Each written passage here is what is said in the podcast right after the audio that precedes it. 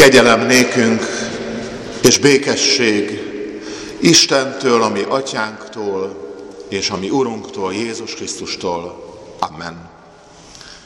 Hallgassa meg az ünneplő bőti gyülekezet azt a szent igét, melyet megírva találunk Mózes 5. könyve, a Deuteronómium 8. fejezetében, a második és a harmadik versekben a következőképpen.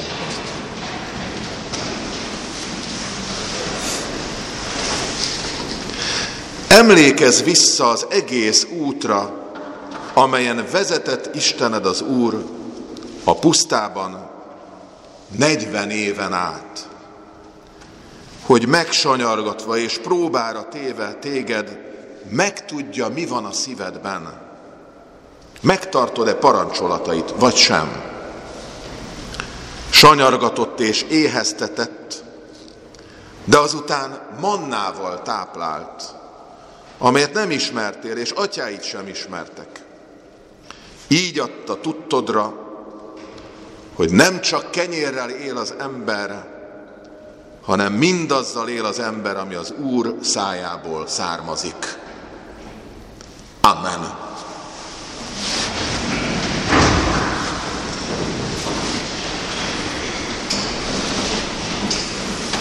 Emlékezz vissza az egészre, kezdődik igénk, és felidézi azt a bizonyos 40 esztendőt, amikor Isten megszabadított népét, a pusztán át vezette Egyiptomból az ígéret földje felé. A nélkülözések sora mellett alapélménye a szabadítás népének, hogy kenyérgondjukat enyhíti az Úristen, hogy napos, naponta gondoskodik róluk. Alapvető élelmük lett az a teljesen ismeretlen valami, a manna, a napi manna. A saját munkájuktól, tehetségüktől, szorgalmuktól függetlenül csupán a szabadító, gondviselő, éltető Isten jóvoltából érkező manna. Erre emlékezni és ezt felidézni egyszer, mint igénk szerint a legmélyebbre vezet. A kenyérkérdés legmélyebben a szív kérdésévé lesz. És ezzel szembesít, hol vagy ebben te, és hol van az élet igazi forrásába vetett hited. Voltak éppen erre utal az evangéliumi kenyércsoda is. Amiük volt, semmire sem volt elegendő. Mindaddig, amíg áldást követően el nem kezdődött az a bizonyos kenyér és halosztás, hogy a semmisnek tűnő mennyiség mássá, addig ismeretlen Isten élményé legyen. Mi van a szívedben ma? Mi van a szívünkben ma? Azt gondolom, hogy aggodalmak sora is, hisz a félvilágot érintő háború zajlik Ukrajnában. Sok feszítő kérdés között ott húzódik ez a nagyon is nyilvánvaló kenyér kérdés. Hogy lesz aratás ott, ahol aknamezők sorolnak? És ahol lánctalpas szörnyekkel szántják most a mezőket, ahol a kenyérkosár véllel kevert iszonyattal telik meg. Bizony a kenyérügy egyben szívügy is. Rávilágít a szív szándékaira. Szükségünk van arra, hogy szabadulás után és szabadítóért kiáltsunk ma is hogy igazán azzal éljünk, ami az Istentől származik.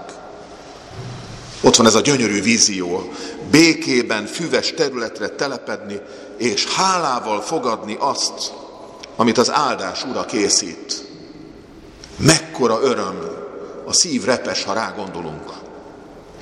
Vajon távoli valóság-e, vagy közel tud jönni hozzánk?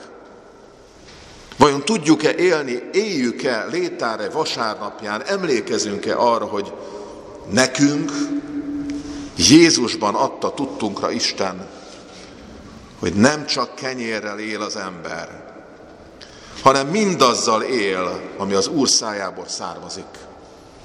Hogy a mennyből alászálló, az isteni szót megtestesítő napi falat számunkra.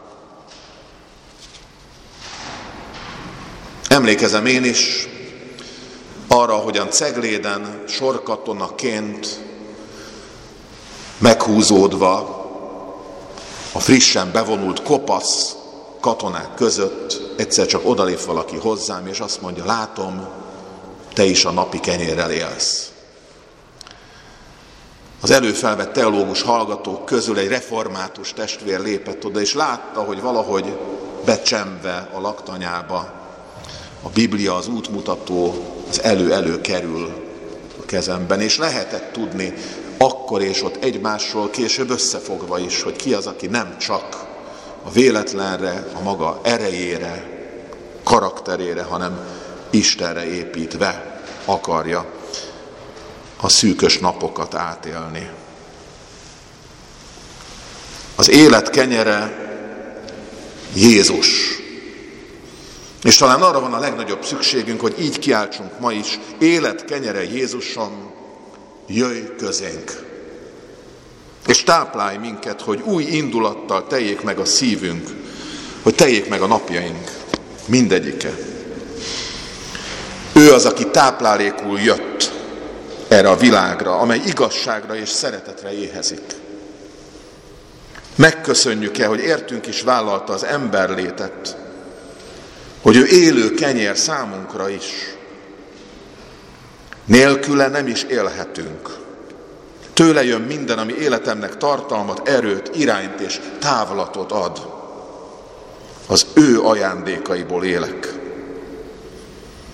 Tested adtad, véret hullattad, hogy élhessek, hogy teljes, boldog, nagybetűs életet éljek. Kevés a szó, hogy mindezt megköszönhessük, és a bőjt csendje talán erre is hív. Kenyér és élet vagy, jó hozzád jönni, mesterünk, téged kívánunk, belőled kapjunk táplálékot, minden napi kenyeret, melyet soha nem mérsz szűken, és mindig mindenkinek jut belőled. Jézus Urunk, kiálthatjuk. Te kenyéré lettél egy olyan világban, ahol a föld lakóinak harmada most is éhezik ahol kenyérharc dúl, és ennek a harcnak többen vannak a vesztesei, mint a győztesei. Talán arra is gondolunk, hogy sok kérésünk között talán illúziónak tűnik az, hogy hirtelen egyik napról a másikra a kenyérgond megoldódjon ezen a földön. Ezért talán még inkább az, arra kell szánjuk el magunkat, bőti úton járó emberekként, hogy úgy legyen kenyer csoda, hogy abban mi nekünk is részünk van. Ezért azt kérhetjük inkább, hogy Krisztus Úrunk erősítse bennünk azt a lelkületet, hogy meg tudjuk nyitni a szemünket az éhezők előtt, a szükséget szenvedők előtt. Add, Urunk, hogy meg tudjuk osztani másokkal mindazt, amink van, és ne várjunk viszonzást. A szív mélyére vezet ugye ez a mai nap is. A kenyér kérdés, a szív kérdése. Ezért kiálthatjuk, szabadíts meg, Uram, önzésemtől. Taníts meg arra, hogy akkor vagyok a leggazdagabb, ha oda tudom adni azt, ami köt, Szeretnék én is kenyérré, szeretnék én is táplálékká válni mások számára. Ez azonban csak akkor lehetséges, ha előbb te, Uram, te táplálsz szavaddal, irgalmaddal, szereteteddel. Segíts észrevennem ma, e kor közepén állva, hol és kinek segíthetek, de add, hogy el tudjam fogadni a nekem szánt ajándékokat. És néha valljuk be őszintén, hogy ez még talán nehezebb is. Drága testvéreim, 40 szent nap bőti úton haladásában elértünk ide, létáre napjáig. Örömöt vágyunk, lelki munícióra vágyunk. Ez azt kell kérjük, hogy Uram, Jézusom, légy utitársam, és lép közel hozzám és azokhoz, akik talán nem ismernek még téged igazán, vagy már elfeledkeztek rólad, vagy úgy hivatkoznak rád, hogy szándékaiddal, életet támogató, jó szándékaiddal ellentétesen lépnek naponta. Jézus ma is szétosztja önmagát, hogy ne éhezzünk. Úgy, amint azon a különleges első, utolsó vacsorán kezébe vette a kenyeret, majd hálát adva megtörte és szétosztotta övéinek, és azt mondta, ezt cselekedjétek. Szeretnél-e kenyér gondoddal, szíved szándékával beleállni ebbe a kenyeret Krisztustól elfogadó és tovább osztó valóságba. Szeretnéd-e te is követve őt, a mestert tenni, ezt a legfontosabb mozdulatot, hogy kicsivel szebb, jobb és teljesebb legyen éppen körülötted is ez a világ. Urunk, segíts bennünket erre. Hogy is lehetne létára öröme a miénk, amíg nem tudjuk szívből azt kiáltani, élet kenyere Jézusom, jöjj közénk és táplálj minket, hogy új indulattal teljék meg szívünk. Emlékeztes, Uram, naponta, Jézus Uram, Te, aki az élet kenyere vagy, akitől jön a napi manna, Te légy számomra is ismeretlenből ismerőssé, külsőből szívbélivé, hogy a kenyérkérdés újra szívkérdés legyen bennem. Amen. Így legyen. Imádkozzunk.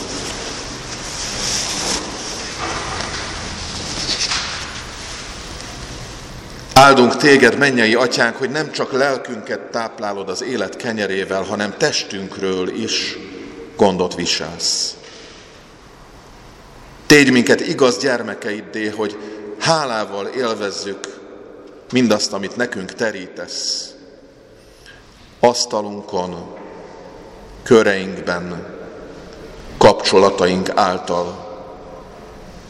De mindenek fölött örömmel fogadjuk szent ígéret, hogy a tieid lehessünk, testestől, lelkestől, az Úr Jézus Krisztus által.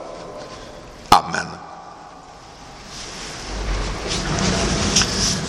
Most Isten igére feleletül a 283-as számú énekünk harmadik verszakát énekeljük el. Jézus a te beszéded, teremjen jó gyümölcsöket. Jézus,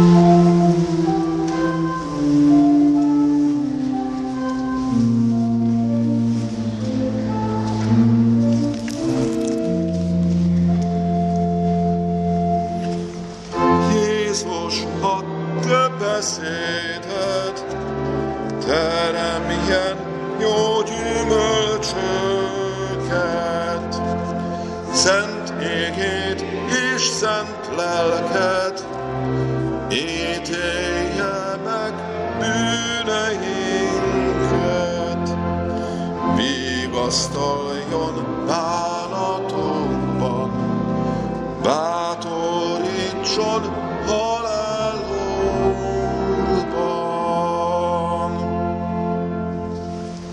Hirdetem a gyülekezetnek, hogy Isten tiszteletünk keretében megemlékezünk elhunyt testvérünkről, a szarvasi gyökerű, drága Kúgyela György testvérünktől gyászoló családjával egyetemben. Isten vigasztalása adjon erőt, bátorítást Krisztusban a gyászoló család és valamennyiünk számára.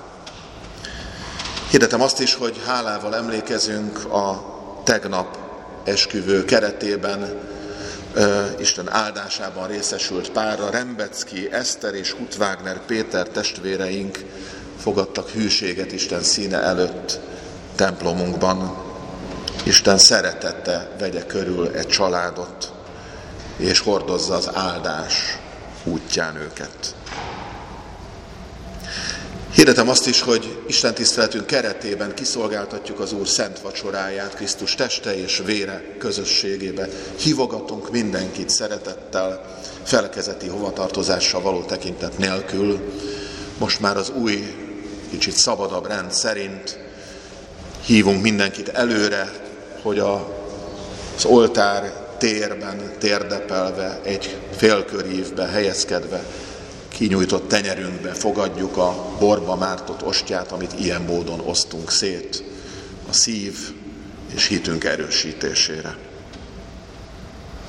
Hirdetem azt is, hogy a most következő héten ülésezik egyházközségünk vezető testülete, a presbitérium.